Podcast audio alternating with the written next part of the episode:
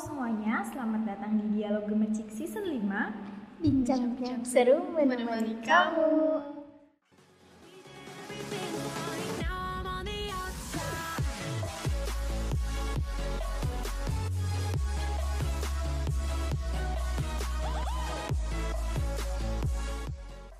Halo, balik lagi bareng kita Ada aku, Uma, dan juga ada dua teman aku Aku Resa Novia.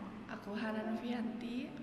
Nah, kali ini kita ketemu lagi nih Dan hari ini kita mau bahas tentang zona nyaman. Akhirnya yang ditunggu Iya, tunggu. bener nih Kalau dengar kata zona nyaman tuh kayaknya ingat apa nih? Ingat lagunya 420 ya Yes. tentang zona nyaman Zona nyaman. Tau gak sih sebenarnya zona nyaman ini udah ada sejak tahun 1990 Jadi udah booming gitu loh. Cuma sampai sekarang berarti perjalanan zona nyaman ini cukup awet ya? Awe. Karena Berarti sekarang Bertahan eksistensinya. Ya bener kalau jadi manusia udah 20 lebih ya. Iya bener ya, sudah tua. Zona nyaman, menurut kalian nih zona nyaman itu kayak gimana sih? Kalau menurut Resa ya, zona nyaman itu merupakan kondisi di mana seseorang itu kalau bekerja nih ya, mereka bekerjanya tuh kayak umum banget gitu. Terus melakukan segala sesuatu itu dengan nyaman gitu. Tapi tanpa ada usaha yang maksimal. Hmm. Jadi zona nyaman tuh kalau Resa mengartikannya sesuatu yang monoton gitu. Hidupnya gitu-gitu aja gitu. kayak nggak ada pergerakan Nah, karena iya. dia tuh cuma di situ-situ tuh Iya. Eh, betul. Kayak iya benar tadi kalau menurut aku juga kayak Resa tadi ya monoton. Jadi kayak jalan di tempat aja gitu, nggak ada progres yang meningkat ke atas gitu. Ah-ah. Jadi kayak orang itu kalau misalkan udah ada di zona nyamannya itu kemungkinan besar gitu. Gak mau pindah gitu atau nggak mau upgrade lagi ke atas ke depannya itu kayak gimana? Kadang kadang juga nih orang kalau udah ada di zona nyamannya kayak ngerasa udah paling berusaha paling maksimal kan ya. Padahal kan enggak ada sesuatu yang masih harus dicapai ada sesuatu yang kadang memang nggak terlalu menguntungkan di diri kita itu harus kita hilangkan gitu dengan cara keluar dari zona nyaman itu sendiri.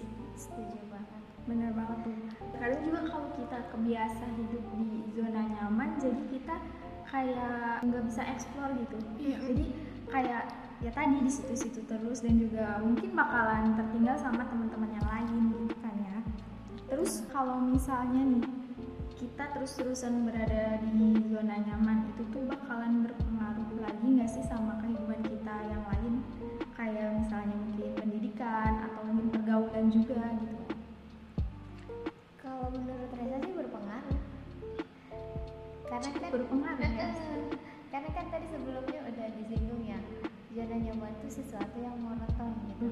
Nah kalau sesuatu yang monoton terus dilakukan, gitu, kayak kita Flat sih eh, eh, hidupnya? kayak jalan di tempat gitu kan, otomatis ya kalau dari segi kita mengukur kesuksesan, kesuksesan orang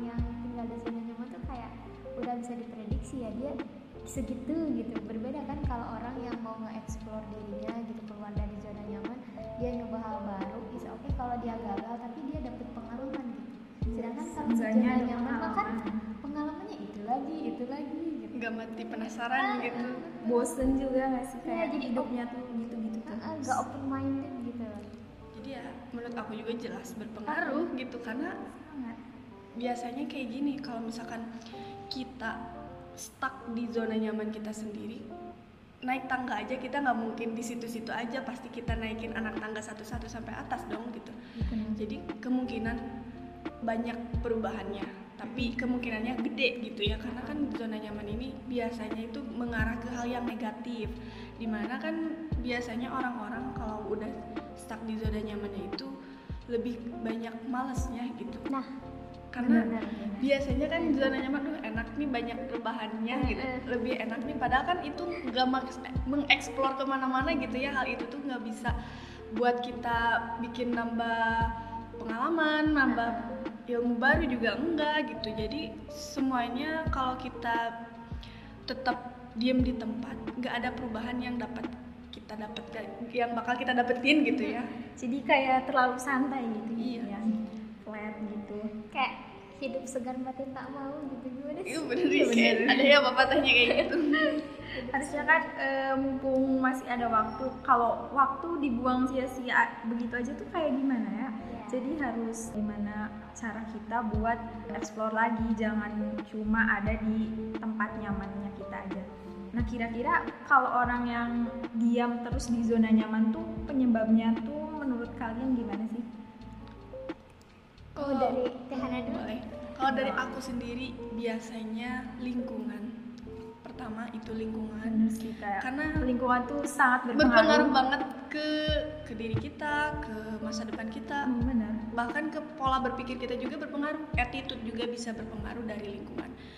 Biasanya kalau misalkan kita udah diem di lingkungan yang orangnya gitu-gitu aja ya kita juga akan kebawain. Kayak istilahnya kalau kita main sama orang yang jualan parfum kita juga bakal ikut wangi ya gitu kalau misalkan kita berteman sama yang jualan parfum karena kan istilahnya kayak gitu Hmm. jadi kalau misalkan kita berada di zona nyaman bisa jadi penyebabnya lingkungan. Kedua karena kita itu nggak mau explore atau enggak kita tuh nggak tahu bakat kita tuh apa atau kita tuh nggak mau maju karena misalkan masih ada terhalang rasa yang males Minder. minder juga bisa atau enggak malu itu sih intinya biasanya nggak pede gitu ya karena aduh takut gimana gimana sama orang Kayak lain kurang sadaran gitu Iya gitu.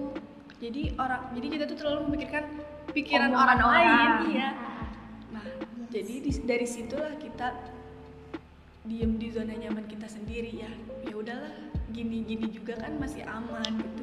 Di zona kayak gini juga masih oke-oke aja, masih ada hal yang didapetin, tapi kan masih ada hal yang lebih bisa didapetin lagi dari orang itu, dari kita sendiri gitu. Kadang ya gitu deh. benar setuju sih rasa setuju banget sama apa yang tadi dikatakan sama Tehana jadi penyebab kita diam di zona nyaman tuh bisa dari lingkungan keluarga Betul. intinya hal-hal yang terdekat gitu terus kan tadi Resa bilang orang yang ada di zona nyaman tuh monoton nah cenderung orang yang monoton tuh dia nggak percaya diri terus dia nggak tahu kelebihan diri dia tuh apa. Nah sehingga ketika dia keluar dari zona nyaman tuh kan otomatis ada banyak tanggung jawab baru nih yang harus dipegang gitu. Betul. Nah, orang yang diam di zona nyaman tuh mereka kemungkinan besar takut kayaknya takut nambah tanggung jawab baru bener. ah ngapain sih ribet-ribet Kayak ada beban gitu. Heeh, gitu. Beban gak baru. mau ngambil Lebih baik yang ini aja yang udah gitu kan. Nah pengen yang pasti-pasti aja. Betul. Terus mereka takut dengan resiko kegagalannya gitu kan. Setelah udah capek-capek tanggung jawab terus ah takut nih resikonya takut gagal nih. Hal yang kan paling ditakutin mau gagal jadi kayak udah netting duluan gitu. Ah, ah, bener. Paling gitu sih. Padahal kan semua usaha itu nggak semuanya berhasil gitu. Nah, Pasti iya. ada yang namanya gagal. Kayak kita jualan nggak semuanya kan barang laku gitu Iya, ya. bener. Ada Ada yang nggak kejual jual. gitu. sebenarnya kalau usaha kayak gitu di ada yang sia-sia cuma Betul. terkadang ada yang dapat kita keuntungan dan ada juga kita dapat pengalaman dan juga pelajaran terus menurut kalian nih gimana sih caranya kita keluar dari zona nyaman dan seberapa penting sih keluar dari zona nyaman itu Kalau menurut aku sendiri harus ubah mindset sih itu. Karena kan biasanya orang kalau udah berada di zona nyamannya sendiri, mindsetnya kan aduh enak, udah enak nih kayak gini, udah nyaman juga kayak gini. Yang penting ada sesuatu yang baru masuk. Padahal kan sesuatunya itu hanya sedikit dari sepersekian yang mereka lakuin gitu. Lebih banyak hal yang buang-buang waktunya Hal yang yang tidak dilewat. berguna gitu. Padahal kalau misalkan mereka itu sendiri memanfaatkan waktu mereka sendiri kan bisa jadi waktu yang mereka gunakan itu lebih bermanfaat, lebih banyak lebih banyak pengalaman juga gitu. Terus yang kedua juga harus banyak belajar tentang diri sendiri. Karena siapa lagi yang bisa ngertiin diri kita sendiri gitu Iya, selain diri benar. kita gitu ya. Jadi kita tuh harus tahu apa sih yang kita bisa, apa sih yang kita mau ke depannya harus bisa memprediksi kalau ke depannya kita tuh kayak gimana kalau misalkan kita ambil langkah A itu jadinya kayak gimana. Terusnya juga kan keputusan juga semuanya ada di diri kita. Iya. jadi ya mau nggak mau kita tuh harus belajar mengerti diri sendiri. Nah lalu selanjutnya juga kita harus banyak termotivasi oleh orang lain. Coba lebih lihat ke orang-orang yang udah berhasil bukan berarti kita harus berhasil kayak mereka tapi kan tiap orang kesuksesannya itu berbeda-beda berbeda jalannya berbeda caranya berbeda juga hasilnya. Nah motivasinya itu semangatnya gitu loh. Kadang kan orang yang motiv eh, semangatnya tinggi gitu bikin kita juga ya terdorong. terdorong gitu. Karena itulah lingkungan berpengaruh. Jadi kalau misalkan kita lingkungannya orang-orang yang semangat ya kita juga masa sih kita Kayak, sendirian yang oh, males? gitu ya. iya. jadi ke- mm, jadi kedorong sama lingkungan sekitar juga. Ya jadi itu ubah juga lingkungannya. Kalau misalkan kalian merasa lingkungan kalian udah toksik nih toksiknya ya kayak udahlah males-malesan aja udahlah gini-gini aja gitu. Udahlah nah nanti kita bakal nyatanya udah tua gitu ya. Kayak Ah. "Kenapa- kenapa ya pas muda nggak ngelakuin hal sebanyak itu? Padahal kan tenaga pikiran itu banyaknya itu di pas waktu muda pas masih baru masuk dewasa gitu. Banyak banget hal yang masih bisa dilakuin gitu Ah. sih kalau menurut aku. Setuju. Reza juga setuju banget. Jadi kalau kita mau keluar dari zona nyaman tuh ya harus punya niat dulu kan untuk berubah.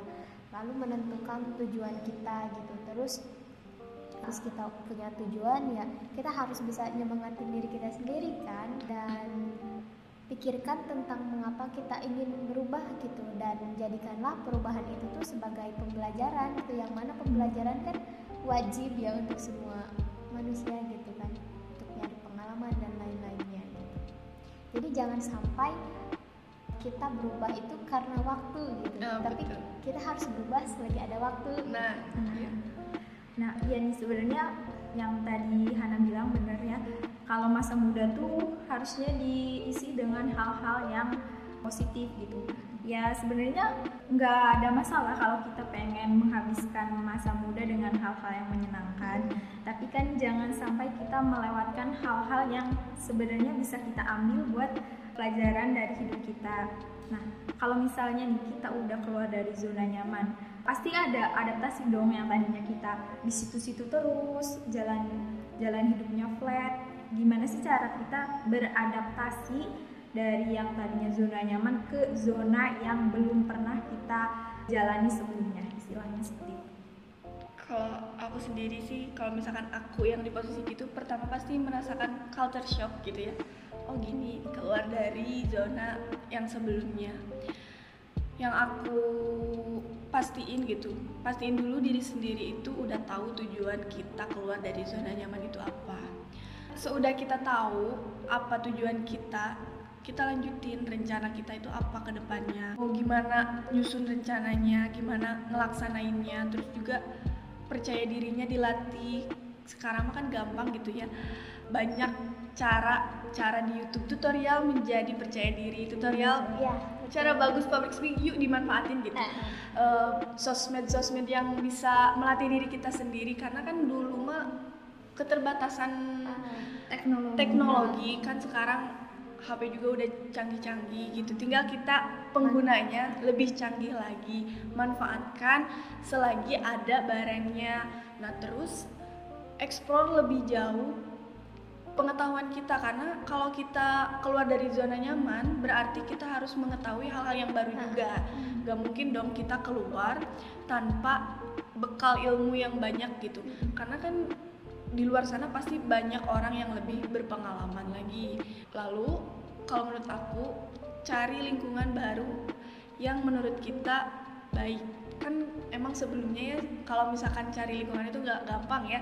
Kadang orang tuh kelihatan baik tuh di awal. Pas kita udah kenal lama tuh enggak gitu. Mulai kelihatan. Oh, ternyata orangnya nggak gini ya. Kita harus pandai-pandai beradaptasi lah. Enggak jangan sampai kita tuh bergantung ke orang lain kita sebatas kenal aja nggak perlu oversharing atau yang kayak gimana. Hanya untuk lingkungan kerja atau lingkungan kampus juga bisa kan? Karena lingkungan itu sebenarnya berpengaruh ke kita tapi kita juga harus pinter-pinter memilih dan memilah mana lingkungan yang harus kita kenal lebih dalam mana lingkungan yang harus cuman ya udahlah sebatas kenal aja gitu ya.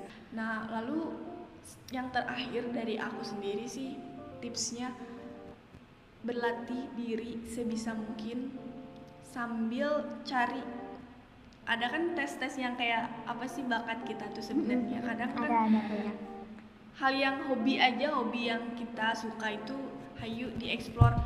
Hobi kita itu bisa dijadiin apa aja sih sebenarnya selain cuman kesenangan cuman main-main aja bisa jadi hal yang serius gak nih.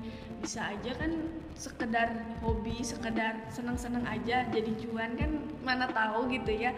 Jadi hal yang bermanfaat gitu segala sesuatu juga jika dieksplor lebih jauh lebih dalam lagi gitu. Pendapat Reza juga nggak jauh beda dari Tehana kan. Yang pertama sih tipsnya ya harus percaya diri lah. Kan kita udah yakin nih keluar dari zona nyaman ya tinggal percaya dirinya aja gitu. Terus coba untuk perluas pertemanan gitu kan dengan memperhatikan ya yang tadi mana yang sebaiknya kita gauli atau hanya sekedar kenal aja gitu. Terus kita harus berhenti membandingkan diri kita dengan orang lain gitu. Hmm, karena ketika kita udah keluar dari zona nyaman tapi kita masih mikir ih dia gini aku gini. Malah kesannya tuh kayak ngedorong kita buat kembali lagi ke zona nyaman nggak akan ada habisnya gitu. Ah, terus Malah jadi capek sendiri. Nah iya jadi tidak berguna gitu. Betul. Terus cobalah untuk mensyukuri hal-hal kecil yang kita dapetin gitu. Jangan mudah netting sih. Mm, benar. Kadang pikiran gelut tuh gelut bergelut sama pikiran kita sendiri gitu ya karena biasanya kacau apa yang gitu. kita pikirkan tuh nantinya berpengaruh sama apa yang terjadi. Jadi ah Iya. nanti Jadi- takutnya gini. Nggak usah takut takut ntar takut gini ntar takut gini. Jadi karena karena nanti mikir kayak gitu dan nanti yang terjadi bakal kayak gitu karena otak kita ngerekam itu iya. Betul. Dan yang terakhir sih benar tadi apa kata Rehana kenali dengan benar-benar gitu lingkungan yang akan kita hadapi gitu. Jangan sampai kita udah niat mau merubah diri nih keluar dari zona nyaman eh malah nemu lingkungan yang jauh lebih toksik dari sebelumnya gitu nah itu tuh salah besar banget Gitu. Nah, benar tuh. Kalau menurut aku sendiri ya mungkin lebih ke diri sendiri ya. Selain tadi ada lingkungan, ke diri sendiri gimana cara kita menempatkan diri kita. Kita tuh harus yakin apa yang kita ambil, langkah apa yang kita ambil tuh yaitu emang bener-bener hal yang positif. Terus juga ada lingkungan menurut aku teman ya. Sebenarnya kita boleh sih berteman sama siapa Siapa aja, cuma terkadang emang beberapa teman memiliki sifat yang membawa kita ke arah yang tanda kutip seperti itu. tanda kutip Tanda kutip kayak ya di situ-situ aja. Kadang kita misal gini nih, kita lagi ngerjain tugas, terus ada teman ngapain sih ngerjain tugas? Nah, Pernah nggak gitu? Jadi kayak ada aja gitu ya Ada jadi kayak kita aja tuh mau rajin, cuma kayak terlihat sama mereka gimana gitu ya. gak usah habis-habis lah gitu Ah, kan nah, bahasanya apa Padahal- santai aja gitu Bener, padahal kan ya emang belajar itu sebenarnya kewajiban bagi kita, cuma mereka ya gimana. Jadi sebenarnya boleh berteman, cuma ya itu tadi harus pinter-pinter memilah dan memilih. Nah, kan tadi udah ada keluar dari zona nyaman, terus ada adaptasi juga. Kalau hal-hal yang menguntungkan keluar dari zona nyaman, ada nggak sih hal-hal yang kiranya membuat kita merasa diuntungkan dan itu tuh bisa buat kita sadar? ada banyak banget banyak sih udah jelas ya kalau kita keluar dari zona nyaman tuh kayak kita pastinya lebih menyadari potensi diri kita gitu. Benar.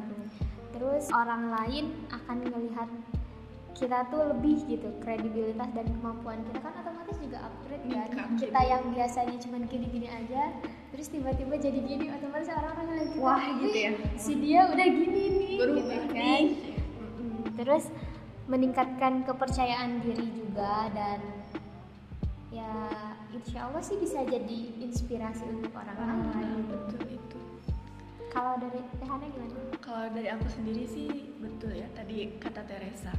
Terus juga kita tuh bakal dapet pengalaman baru. Karena kan kita keluar dari zona nyaman juga jadi ya kita bakal ke lingkungan baru. Nah terus kita tuh bakal lebih produktif lah nggak ngebuang waktu buat hal yang sia-sia gitu. Lebih memanfaatkan waktu buat hal yang lebih positif, lebih bermanfaat juga gitu. Nah, terlebih lagi kan kadang kita tuh gak sadar kalau kita tuh sebenarnya buang-buang waktu. Karena sekarang tuh orang tuh agak sulit tuh berpisah dengan smartphone gitu ya.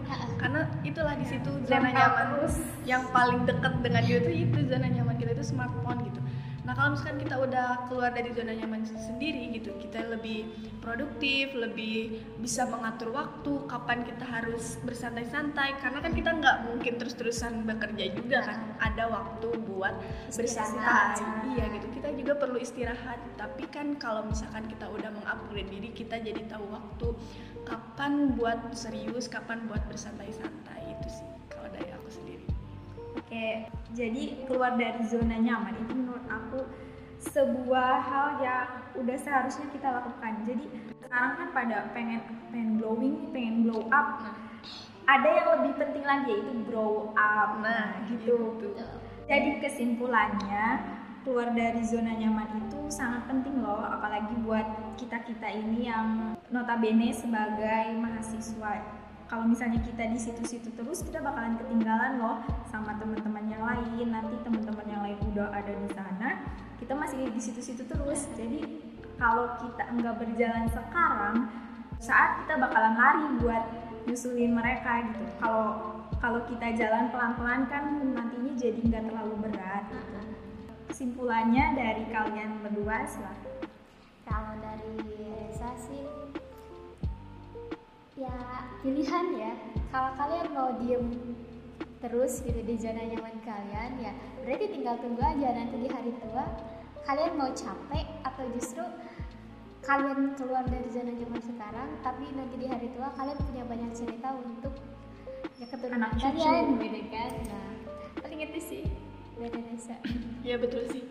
Karena kan kalau misalkan masa muda kita banyak dilakuin hal yang bermanfaat, pengalaman-pengalaman yang banyak juga kan nantinya bisa kita ceritain. Mau ke teman, teman baru yang nanti kita bakal temuin juga, mau nanti anak, cucu ataupun keluarga gitu ya, yang keluarga yang jauh juga. Nah, kesimpulannya kita upgrade diri, upgrade mau dari pengetahuan, attitude kita karena kita nggak mungkin kan hidup tuh monoton gitu-gitu aja. Kita tuh pasti mau ada yang namanya perubahan menuju lebih baik. Nah cara kita berubah itu ya dari diri kita sendiri. Jangan cuma ngomong pengen berubah nih tapi nggak ada progres gitu buat apa gitu ya. Cuma- kosong nyari bunyinya jatuhnya kan Oke, nah tadi nih obrolan seputar zona nyaman kayaknya seru banget nih. Buat teman-teman semua bisa diterapkan ya, gimana tadi gimana cara kita keluar dari zona nyaman, terus adaptasi di zona nyaman, terus juga ada hal-hal yang hal-hal positif yang bisa kita dapatkan dari keluar dari zona nyaman. Oke, yang bincang-bincang kita pada podcast episode kali ini. Sampai jumpa di episode selanjutnya. Tetap jaga kesehatan. Follow Dialog Gemercik di Gemercik Podcast di Spotify dan jangan lupa juga follow all sosial media kami di @gemercikmedia di Instagram, Twitter dan juga YouTube. Serta jangan lupa untuk kunjungi web Gemercik di gemercikmedia.com untuk terus update berita dan isu-isu terbaru. Akhir kata, terima kasih dan sampai jumpa. sampai